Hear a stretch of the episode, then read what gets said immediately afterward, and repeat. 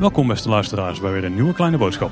Ja, welkom bij de podcast over alles Efteling met Tim Hinsen en Paul Sprangers.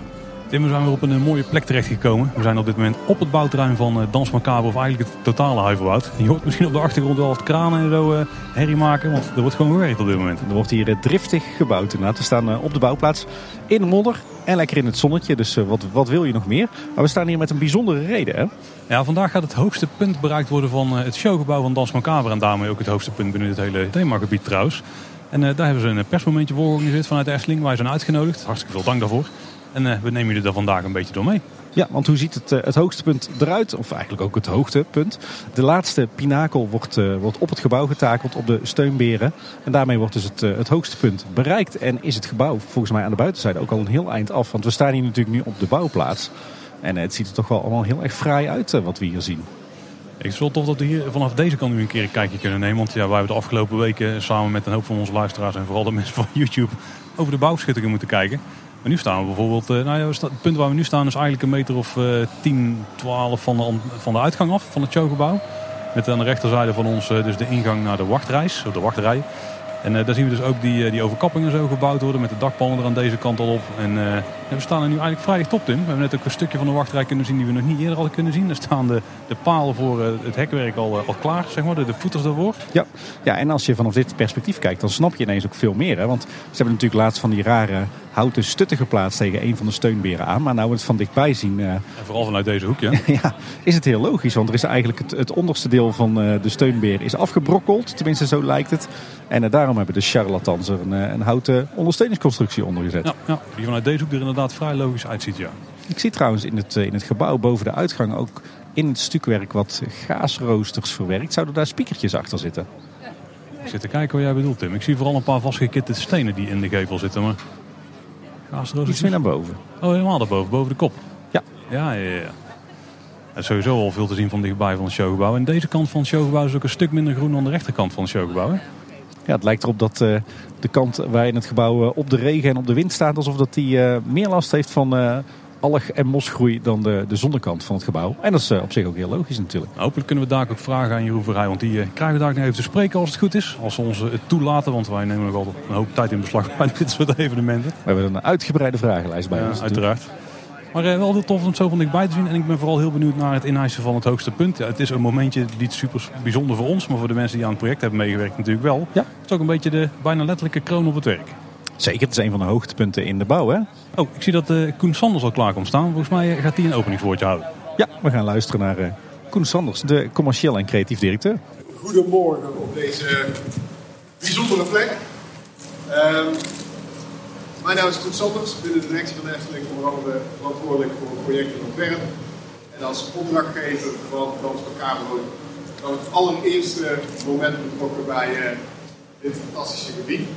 Het uitgangspunt in uh, maart 2021, wat dus ook nog 2, 3 jaar geleden is, was breng Eftelings griezelen, dat wat oorsprongsopdracht, terug in de wereld van de Efteling. Zorg dat 1200 mensen per uur die beleving kunnen ondergaan. En voor de rest stond alles open. En uiteindelijk heeft dat geresulteerd in een gebied, gaat het resulteren in een gebied, waar niet alleen een attractie in komt, maar waar ook twee horecapunten hebben, toiletten, entertainment en ook de volledige buitenruimte. En dat is ook wat het bijzonder maakt. Als je kijkt naar wat hier achter staat, ook aan de binnenkant, is het bijna af. Um, en aan de andere kant hebben we nog uh, een maand of uh, 7, 8 voor de groep 9, uh, waarin we echt uh, moeten gaan knallen. Het najaar 2024 dus. En om dat uh, hoogtepunt te gaan realiseren, hoogste punt te gaan realiseren, wil ik Henk de Lus vragen om uh, richting de pinakel, zoals het hier formeel heet, deze toren, dat deze toren dadelijk het dak opgehezen is en we daarmee ook echt het aller, allerhoogste punt bereiken. Um, deze toren is inclusief de grond die erop komt een meter of vier hoog. En daarmee tikken we de 20 meter vanaf de grond aan. Dat is een exclusieve kelder van het gebouw. Dus in het gebouw is nog een grotere hoogte. Die 20 meter is ook echt al de maximale bouwhoogte die we hier mogen realiseren. Dus we trekken hier uh, het volle uit alle mogelijkheden wat we hebben dan. Uh, Ik wil hier in ieder geval dit deel even bij afsluiten. Dus laten we vooral gaan kijken naar hoe hier het boppen gaat gebeuren. En straks zien we elkaar. Dankjewel.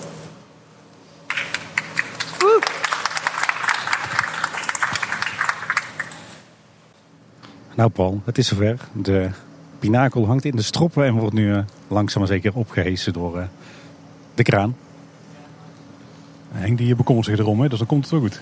Als Henk het doet, dan komt het goed inderdaad, ja. We worden dus net dat het wel echt daadwerkelijk het allerhoogste punt van het gebouw is. Ja, maar er moet ook nog een piron opkomen worden, Tim. En ik zie dat jij je piron uh, trui aan hebt, dus helemaal een thema. Helemaal in stijl. Lichtelijke druk op de kraanmachinist vandaag, denk ik. ja, ik denk niet dat hij normaal gesproken zoveel bekijks heeft bij zijn werkzaamheden. De pinakel is trouwens, uh, wat wij al dachten, gewoon een uh, decorelement van polyester. En die wordt dadelijk over de stalen buis gehesen die, die al op de steunbeer staat. Vraagt wel wat stuurmanskunst om die PVC-buis die in het pinakel zit precies over die ijzeren buis heen te krijgen.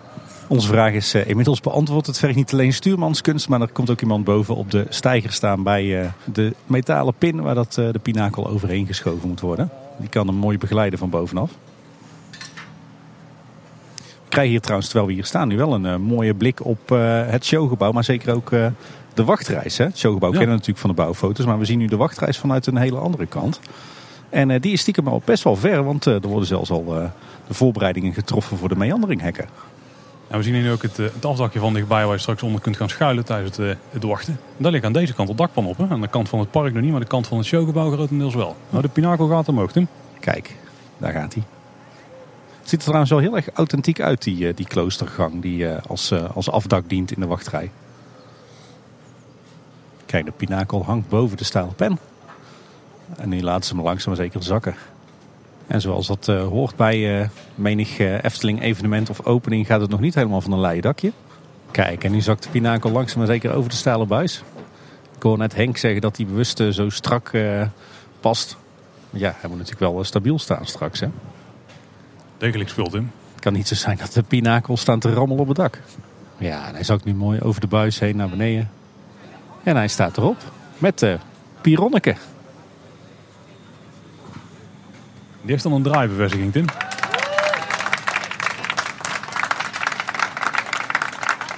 Een piron met schroefdraad, die kennen we nog niet. Maar je hoort het aan het applaus.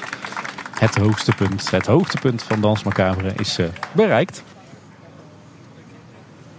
Op donderdagochtend uh, 1 februari. Weer een uh, hoogtepuntje in het bouwproces. En dan uh, zit het er hier uh, denk ik op uh, voor ons, Paul. De plechtigheid heeft in ieder geval plaatsgevonden. Is dit een plechtigheid, Tim?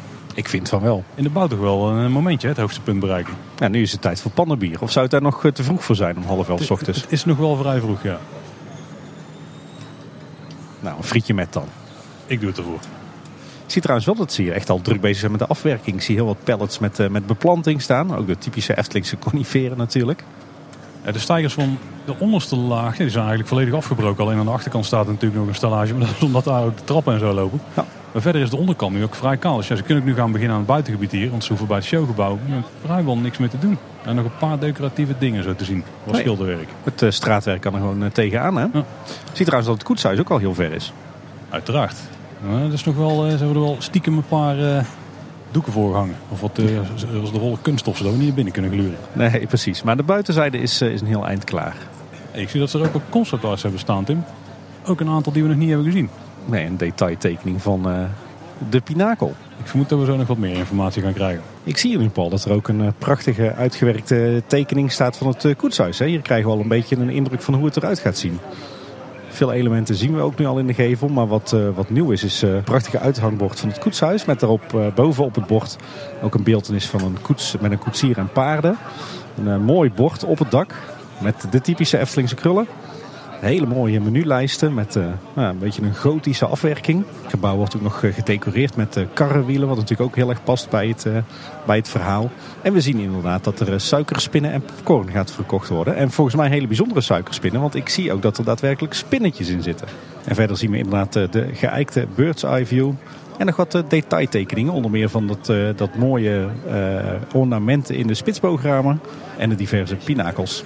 Dat koetshuis komt er echt wel gaaf uit te zien. Hè? Ik zie nu trouwens ook dat er uh, twee staldeuren zijn waar achter uh, de dorstlesser komt te zitten. Die uh, Coca-Cola automaat waar je zelf je cola Ja. drankje kan samenstellen. Die komen helemaal links. Ik hou echt heel veel oog voor detail in dat gebouwtje als je zo kijkt. Ik zie er ook wat raven op zitten. Zouden we die ook nog eh, te zien gaan krijgen dadelijk als eh, animatronic? Oeh, die zitten op, die, eh, op het hout wat aan de bovenkant eruit steekt. Dat zou zomaar kunnen. Ook hier weer een uithangbordje. Nog wat uh, lantaarns Tim, aan de buitenkant die we nog niet zien hangen op dit moment. Beetje de, dezelfde stijl als die paar, eerste paar lantaarns die we al eh, gezien hebben hier in het buitengebied. Hè? Dit voelt ook wel echt als een, eh, een echte Eftelingsgebouwtje zo. Ja, we staan hier eh, met Jeroen Verheij op het eh, bouwterrein van Dans Macabre. Jeroen, heb je al wat tijd om met ons te praten? Of moet je niet een paar cementbaarden wegtikken ergens of zo? Dat is een goede vraag. Eh, ja, ik maak voor jullie graag natuurlijk tijd, eh, heren. Fijn eh, dat jullie er ook zijn. Die eh, cementbaarden, ja, dat is, ik, heb, ik heb die aflevering geluisterd waarin jullie daarop eh, volledig op losgingen. Eh, misschien ook deels terecht. Eh, maar het klopt inderdaad dat ik hier wel bezig ben geweest. Maar dat, ik, was, ik stond in mijn eentje op de foto. Maar we zijn hier eh, eigenlijk al een hele periode lang met eh, een deel van het projectteam. Iedere vrijdagmiddag, of in ieder geval bijna iedere vrijdagmiddag, zijn we hier bezig geweest om eh, de steentjes die eh, overigens.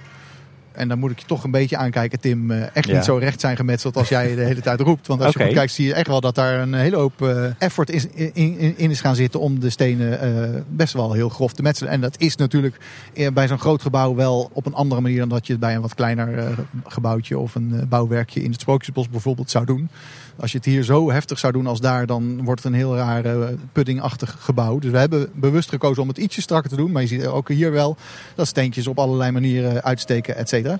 Maar even terug op die hamer. Eh, ik, we hebben dus met eh, de projectgroep eh, ha- hamers van thuis mee mogen nemen. En met veiligheidsbrillen en helmen en alles op de vrijdagmiddag. Eh, op meerdere momenten eigenlijk alle uitwendige hoeken van het gebouw. En ook van alle eh, rollagen, et cetera.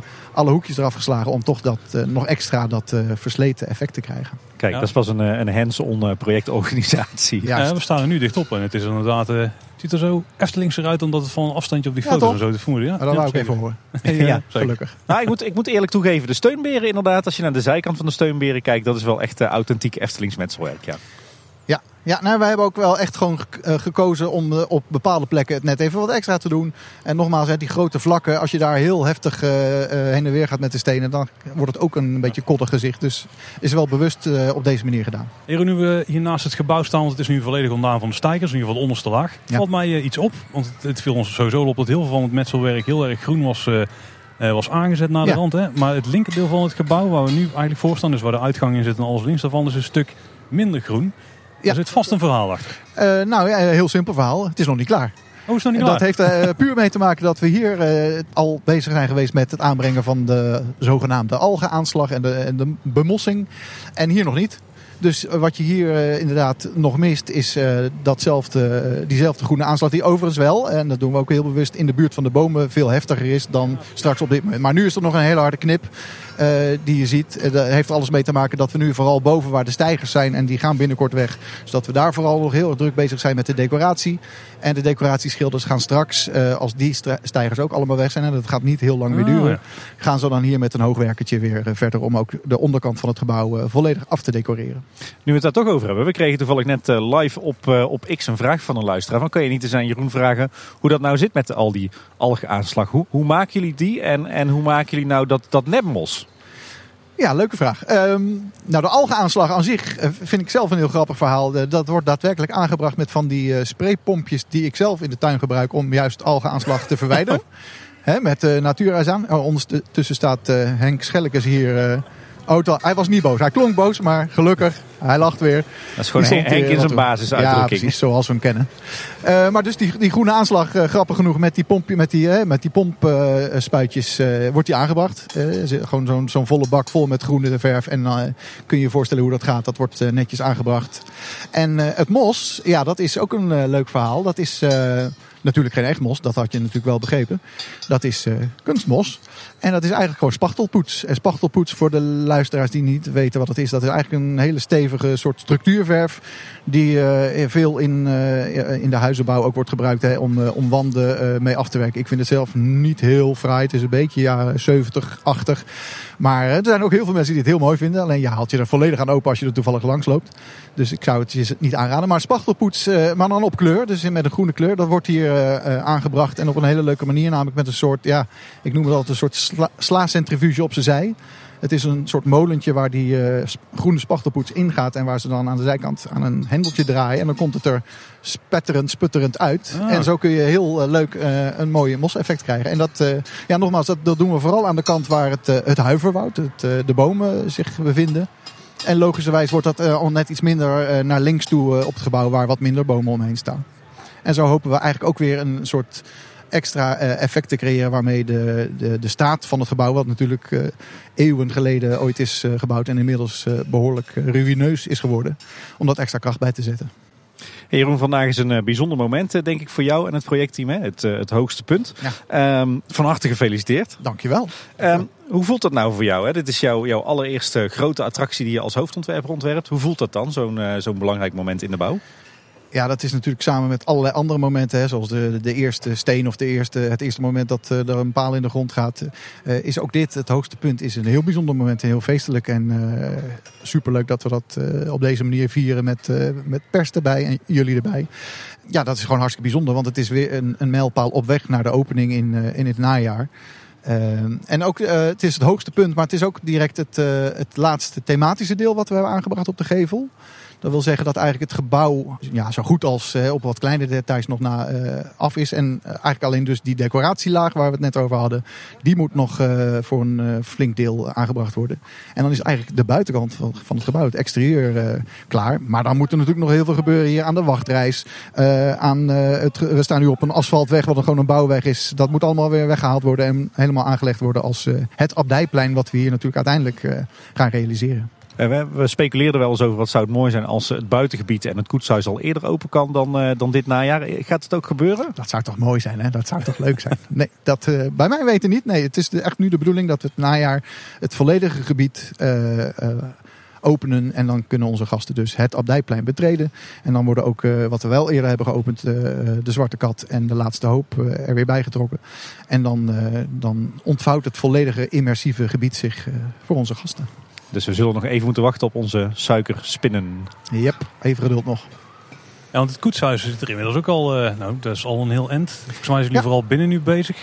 En aan de buitenkant moet er nog wat decoratie tegenaan. Ja, de conceptart van het koetshuis hebben we vandaag eh, als een soort eh verrassingje naar buiten gebracht. En die komt volgens mij ook eh, digitaal beschikbaar. Dus die, daar kunnen de luisteraars ook een blik op werpen. En eh, ja, daar zie je inderdaad op dat wat we hier nu hebben staan... nou, ook grotendeels exterieur al eh, klaar is. Ook de hele decoratielaag moet hier nog aangebracht worden. Er moet, moeten natuurlijk nog deuren inkomen. Want het, is, ja, het verhaal is natuurlijk ook... Het is een voormalige koetshuis van de abdij... waar eh, de broeders hun, eh, hun platte karren om het land mee te bewerken, et cetera, in opsloegen. Waar de abt waarschijnlijk zijn kleine rijtuig had staan, et cetera.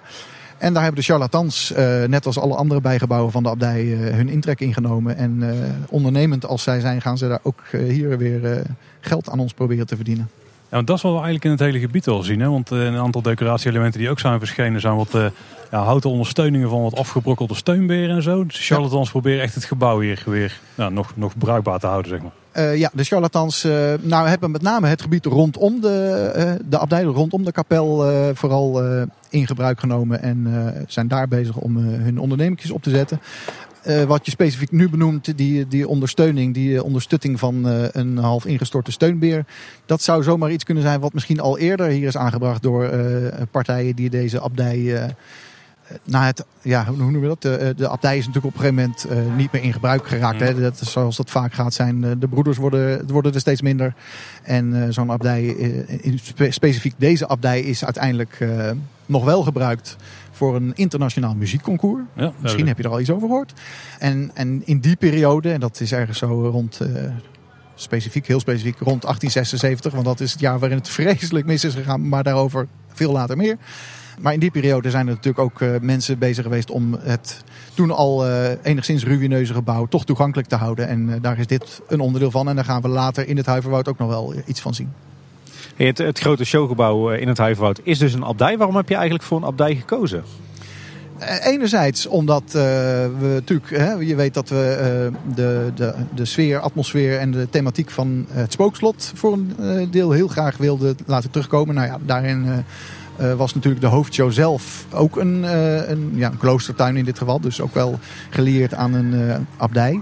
En we zochten, naar wat ik net al zei, we zochten naar een, mogelijkheid om zowel een grote attractie die we uiteindelijk dus hebben ontwikkeld samen met Intamin eh, te kunnen herbergen, maar ook ja, eh, dat, in dat belevingsgebied wilden we dus ook eh, winkeltjes, eh, horeca, et cetera. En plek voor entertainment, een grote wachtreis realiseren. Ja, alleen, een, alleen een kloostergebouw, alleen een abdij is niet genoeg. Je wil een abdijcomplex. Of tenminste, een, hoofdgebouw is niet voldoende. Je wil daar gebouwtjes omheen. En zo kwamen we op een abdijcomplex. Zijn er bepaalde abdijen of andere gebouwen in Nederland of daarbuiten waar je door hebt laten inspireren?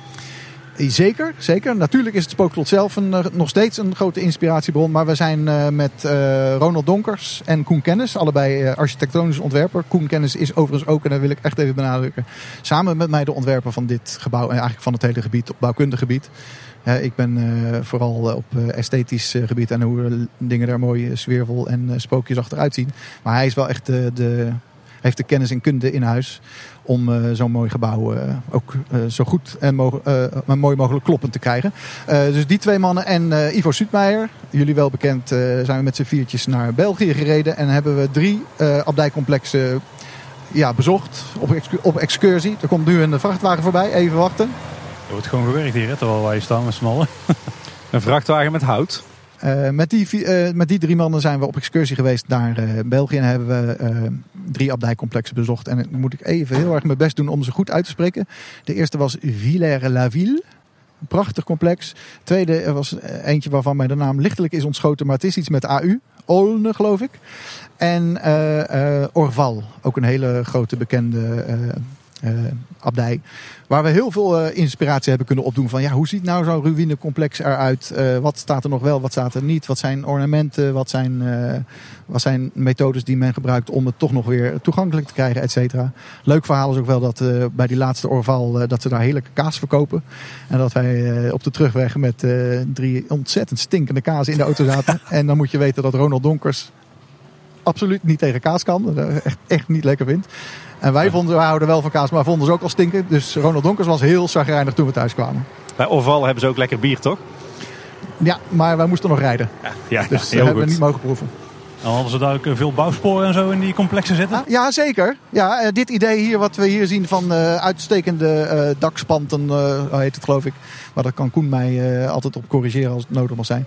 Dat zijn ook wel dingen die we daar zagen. Van, ja, hoe kun je, en, en het helpt heel erg om te vertellen van ja, dit is ooit een veel groter complex geweest. De, de kruisgang heeft hier helemaal tegen het gebouw aangebouwd gezeten. En ja, om toch een beetje openheid te creëren en ook niet overal eh, overkapping te maken, hebben we die, eh, die spant hier uit laten steken. En eh, ja, dat geeft denk ik een heel mooi effect. Ook verhalend effect. Ik kom meteen bij een volgend puntje, Roem. Want we zien in één keer ook overkappingen verschijnen hier. Die Ja. niet ingetekend waren in jouw originele bird's eye view. Nee, maar die hebben wel al eh, eigenlijk vanaf begin af aan wel eh, onderdeel uitgemaakt van het plan. Alleen ik, ik ben altijd een beetje Pietje precies als het gaat om een, eh, zo'n eh, zo'n bird's eye view. Ik probeer dan een artist impression te maken die zoveel mogelijk klopt met de info die je op dat moment hebt. En eh, de overkappingen eh, waren eigenlijk nog een beetje fluïde, zoals dat heet. Of we, wisten nog niet precies hoe ze eruit zouden zien en waar we ze nou precies wilden hebben. En op het moment van het tekenen van die visual eh, dacht ik, ja, dan ga ik ga ik ze er ook nog niet intekenen, want dan gaan we een, eh, een scheef beeld krijgen wellicht. Het heeft ons overigens ook nog geholpen, want die visual die gebruiken we intern heel veel om eh, allerlei partijen duidelijk te maken van hoe bijvoorbeeld de wachtreis loopt. En dat kun je nu, doordat die overkapping er nog niet Ja. op was ingetekend, eh, heel goed zien. En wanneer komt hij uit op posterformaat? Ja, leuke vraag. Ja, ze hebben hem nu uitgebracht. We hebben hem nu uitgebracht als ansichtkaart. Dat is nog een beetje. Daar heb je een leesbrilletje voor nodig. Eh, ik weet het niet. Maar bij deze nog even een verzoek aan de retailafdeling. Mag er een poster komen? We Er willen stond, er stond hier net een hele grote variant op een ezel. En die was echt heel chic. Op dat formaat, Ja. ja, ja kom maar. Ja. Die willen wij graag boven ons, eh, ons bed. Zeg, eh, Jeroen, iets wat je natuurlijk eh, zeker ook de laatste tijd in de, in de pretparkwereld wereldwijd ziet, is als er een groot showgebouw wordt opgetrokken, dan wordt het toch weer een grote loods of fabriekshal aan de, de rand van het park. En, en daar zetten we dan een geveltje voor. Dat zie je. Ja, heeft heel veel voordelen. Maar ja, Ja. dat ging hier dus niet. Maar dat is jouw vraag waarschijnlijk Ja, ook. nee, eh, precies. Nee, dat zie je tegenwoordig zelfs ook bij partijen als Universal en Disney steeds meer. Ehm, jullie eh, moesten hier ineens een loei van een gebouw midden in het park neerzetten. Ehm, Ja. 360 graden rond eh, gethematiseerd. Wat, wat bracht dat voor uitdagingen mee voor jullie? Eh, financiële uitdagingen natuurlijk om te beginnen. Want ja, dat betekent dus gewoon extra geld eh, nodig om, eh, om inderdaad alle kanten te voorzien van minimaal iets van thematisering. En uh, ja, oh ja, ook gewoon keuzes die je dan uiteindelijk dus moet gaan maken. Van ja, wat is, wat is nou de belangrijkste zijde? Nou, dat is natuurlijk deze voorzijde waar we nu staan. Maar uh, wat je zegt, het is rondom en ook vanaf de Pardoespromenade kun je het gebouw gewoon goed uh, zien. En, zeker als je naar Fabula gaat. En uiteindelijk hebben we er gelukkig voor kunnen zorgen dat het inderdaad helemaal rondom gedematiseerd is. Natuurlijk wel aan de achterzijde wat minimer, of uh, ja, minim is eigenlijk niet het goede woord, maar wat minder dan aan de voorzijde. Uh, maar ik denk dat we uh, er goed in geslaagd zijn nu al. het is nog niet helemaal af qua decoratie en er, is ook, er wordt een hoop groen aangebracht wat gelukkig nog gaat camoufleren. Er is wel één wand die nou, kaal is niet het goede woord. Overigens is er ook helemaal niks mis met kaal, maar dat zeg ik uit eigen belang. Um, we hebben denk ik ook die achterkant gewoon goed in de smiezen en uh, netjes uh, opgewerkt, zodat het helemaal klopt. Iets wat ook nieuw is voor de Efteling is uh, zo'n enorm oppervlak van metselwerk. Hè? Want meestal stukken jullie alles, alles dicht. Was dat voor jou ook even wennen als, als ontwerper? Nou ja, wennen weet ik niet, want het is, we zijn eigenlijk, het, ook toen we die abdijen zijn gaan bezoeken in België, zie je natuurlijk ook eigenlijk dat dit soort gebouwen eigenlijk altijd in baksteen worden opgetrokken. Dus dat is eigenlijk ook een vrij logische keuze. Dat we toch hebben gekozen om maar ook toch wat uh, restanten van stukwerk. En uh, dat is wat minder dan dat je misschien gewend bent. Maar dat heeft er ook weer mee te maken. Het is zo'n enorm gebouw en het, is, zo, het staat er al zo lang zogenaamd. Dan is het ook logisch dat het stukwerk er voor een heel groot deel al van af is. Maar het feit dat we dus hier met veel baksteen hebben gewerkt is eigenlijk best logisch omdat dit soort gebouwen altijd in, uh, in steen worden opgetrokken. Jeroen, we staan nu bij de uitgang van de attractie straks. Daar komt volgens mij de souvenirwinkel eh, aan de binnenkant. Ja. Uh, Dr. Charlatans kwalijke zaken uit mijn hoofd. Juist, heel goed. Oeh, dat valt niet tegen. Um, dit is natuurlijk uh, duidelijk een ode aan het oude spookslot. Hè. We herkennen die boog en het ja. gezicht dat erboven zit. En we hebben ook nog een restantje van het spookslot wat nog aan het gebouw vastzit volgens mij inmiddels. En een mm -hmm. oude muur. We weten dat, dat jullie echt wel ook een deel een ode willen brengen aan het spookslot. Sowieso, het muziekstuk speelt een enorm grote rol. Ja. Is die balans bewaren lastig? Uh, lastig zou ik niet durven zeggen. Maar je moet natuurlijk wel opletten dat dat. Uh, ja, je wilt niet dat het te veel wordt. Je wilt niet dat het uh, zo weinig is dat het eigenlijk ook niet eens meer opvalt. Dus ja, het is een beetje kwestie van doseren. En ik denk dat we dat op een, op een mooie manier hebben kunnen doen. Inderdaad, wat je zegt, deze entree, de voormalige entree van het spookslot, zou ik maar zeggen, die een soort van één op één weer terugkomt als uitgang van en ingang van de winkel. Uh, is daar natuurlijk een heel duidelijk uh, voorbeeld van. Maar er zijn heel veel wat kleinere elementen en ook directe, uh, directe en indirecte verwijzingen, zowel binnen als buiten, die naar het spookslot verwijzen. Maar alleen voor, in het grotere geval, alleen voor mensen die dat natuurlijk gewoon kunnen en willen zien omdat ze het goed kennen.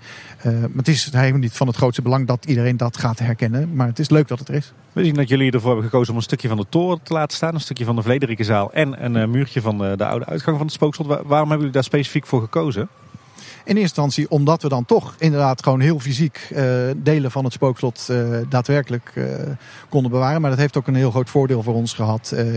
ten eerste omdat het het gebied verrijkt. Hè. We zien hier een stukje van de wacht en daarachter piept toch nog een stukje van die oude omgang bij de uitgang van het spookslot tevoorschijn. Het helpt gewoon ook, om ook weer het verlaten, het ruïneuze abdijgebied uh, extra kracht bij te zetten. Het helpt ons ook om vanuit het huiverwoud zo dadelijk delen die, we, uh, die je eigenlijk niet wil zien. Omdat het gewoon uh, back of the house gedeeltes zijn. een beetje te camoufleren. Dus vanuit het huiverwoud zo dadelijk zie je met name die restanten van de ronde zaal en van de toren. En die dienen echt als een soort uh, coulisse om uh, het stukje back of the house wat we daarachter hebben uit zicht te houden. Op de, de bird's eye view zagen we dat het dak van de abdij dat niet, uit niet meer bestond dan wat, wat laatste restanten van afgebrande balken. We zien nu dat er toch wat, wat meer dak aan het verrijzen is met, met panlatten. waarom komt het dak er toch iets anders uit te zien? Ja, dan komen dus de bouwkundigen eh, onder ons, onder andere Koen Kennis, maar ook uh, uh, Henk natuurlijk, die komen met opmerkingen van ja, misschien is het toch slimmer om daar nog wat extra aan toe te voegen, omdat het anders wel heel erg weinig is. En dan ga je samen kijken van ja, inderdaad, die balken die ik dan toen heb ingetekend, dat is misschien ook wel weinig, wat ga je daar eigenlijk van zien?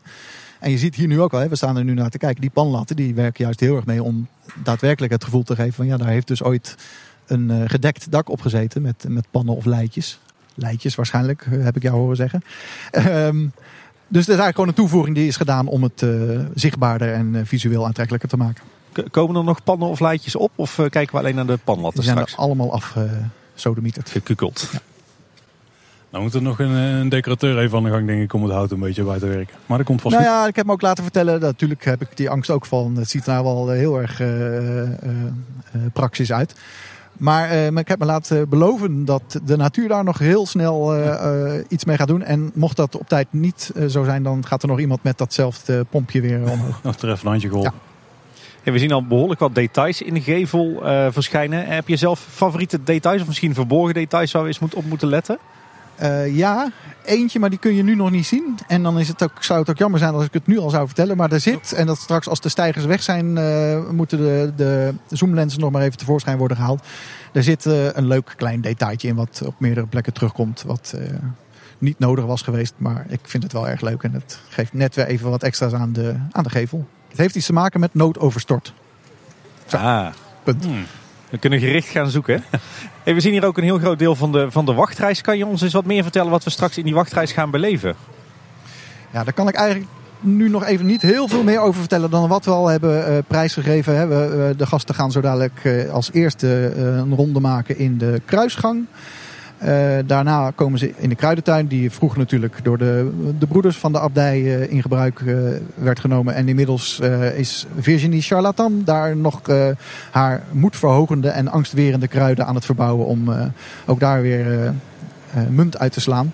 En uiteindelijk zie- zien we daar nog een eh, houten poort en die geeft toegang tot het kerkhof. Daar zal een medewerker ons, eh, ook lid van de familie Charlatan overigens, welkom heten op het... eh, of, ja, ik weet niet of hij zo vriendelijk is dat hij ons welkom gaat heten, maar in ieder geval die zal ons toelaten op het kerkhof. En eh, ja, daar ontvouwt zich eigenlijk het eerste echte onderdeel van het verhaal. eh, waar ik nog niet te veel over ga loslaten, maar het heeft natuurlijk alles te maken met de dans macabre, het muziekstuk. Ah, ik ben benieuwd, Tim. En dan vervolgens eh, eh, eh, gaat de gast door het huiverwoud en komt uiteindelijk via een brugconstructie, die er nu nog niet is, maar er wel komt, eh, in het gebouw, in de kapel. En dan, eh, ja, dan zijn zij onderdeel en getuige van het spookspektakel vol duistere wendingen, letterlijk en figuurlijk. Oeh. Dus we waren natuurlijk benieuwd als vervent Efteling-bezoeker eh, tijdens eh, ieder jaargetijde en vooral tijdens ieder weertype. Kunnen we later in de wachtreis ook nog wat overdekt wachten, denk je? Eh, dat denk ik wel. Kunstig, kunstig. Hey, als we het daar dan toch over hebben, over eh, de, de manier waarop we straks het gebouw benaderen. We gaan dan natuurlijk door het, eh, het Beukenbos, over het, het oude heksenpad. Gaan we ook nog elementen terugzien van dat heksenpad? Of is het zelfs nog helemaal intact? Nee, het is niet helemaal intact meer. Het gedeelte eigenlijk aan, aan deze zijde, waar straks de gast in de wachtreis eh, overheen gaat, dat is ook niet meer het heksenpad zoals we het kennen. Eh, dat is een nieuw pad. Eh, heet ook niet meer het heksenpad. Hey, zo heeft het eigenlijk ook nooit geheten. Nee, ze heeft eigenlijk ook nooit Maar die fans Ja, altijd. precies. Maar een gedeelte is er nog wel. En dat is aan de achterkant eigenlijk wat vroeger de voorkant van het spookslot was. Dat zal er nog wel zijn, maar zal voornamelijk gaan dienen als chicken exit. En eh, eh, een gedeelte waar de nood, eh, eventuele noodontruimingen via naar buiten kunnen gaan. Jij zegt de chicken exit. betekent dan dat er toch aan de, de, de fabula-zijde van het gebouw... dat we daar ook kunnen gaan komen als bezoekers? Dat kan, maar niet vanaf deze zijde. Dus het, gebied is volledig alleen maar toegankelijk vanaf de, de- deze voorzijde. Dus we moeten straks ook een keer bewust de chicken exit gebruiken... eigenlijk als we alles willen ervaren. En misschien is het ook wel nodig, want het wordt best heel spannend, hè? Nee, 90 minuten wachten voor de chicken exit. Dat is ook, een, eh, ook iets voor de, voor de fans.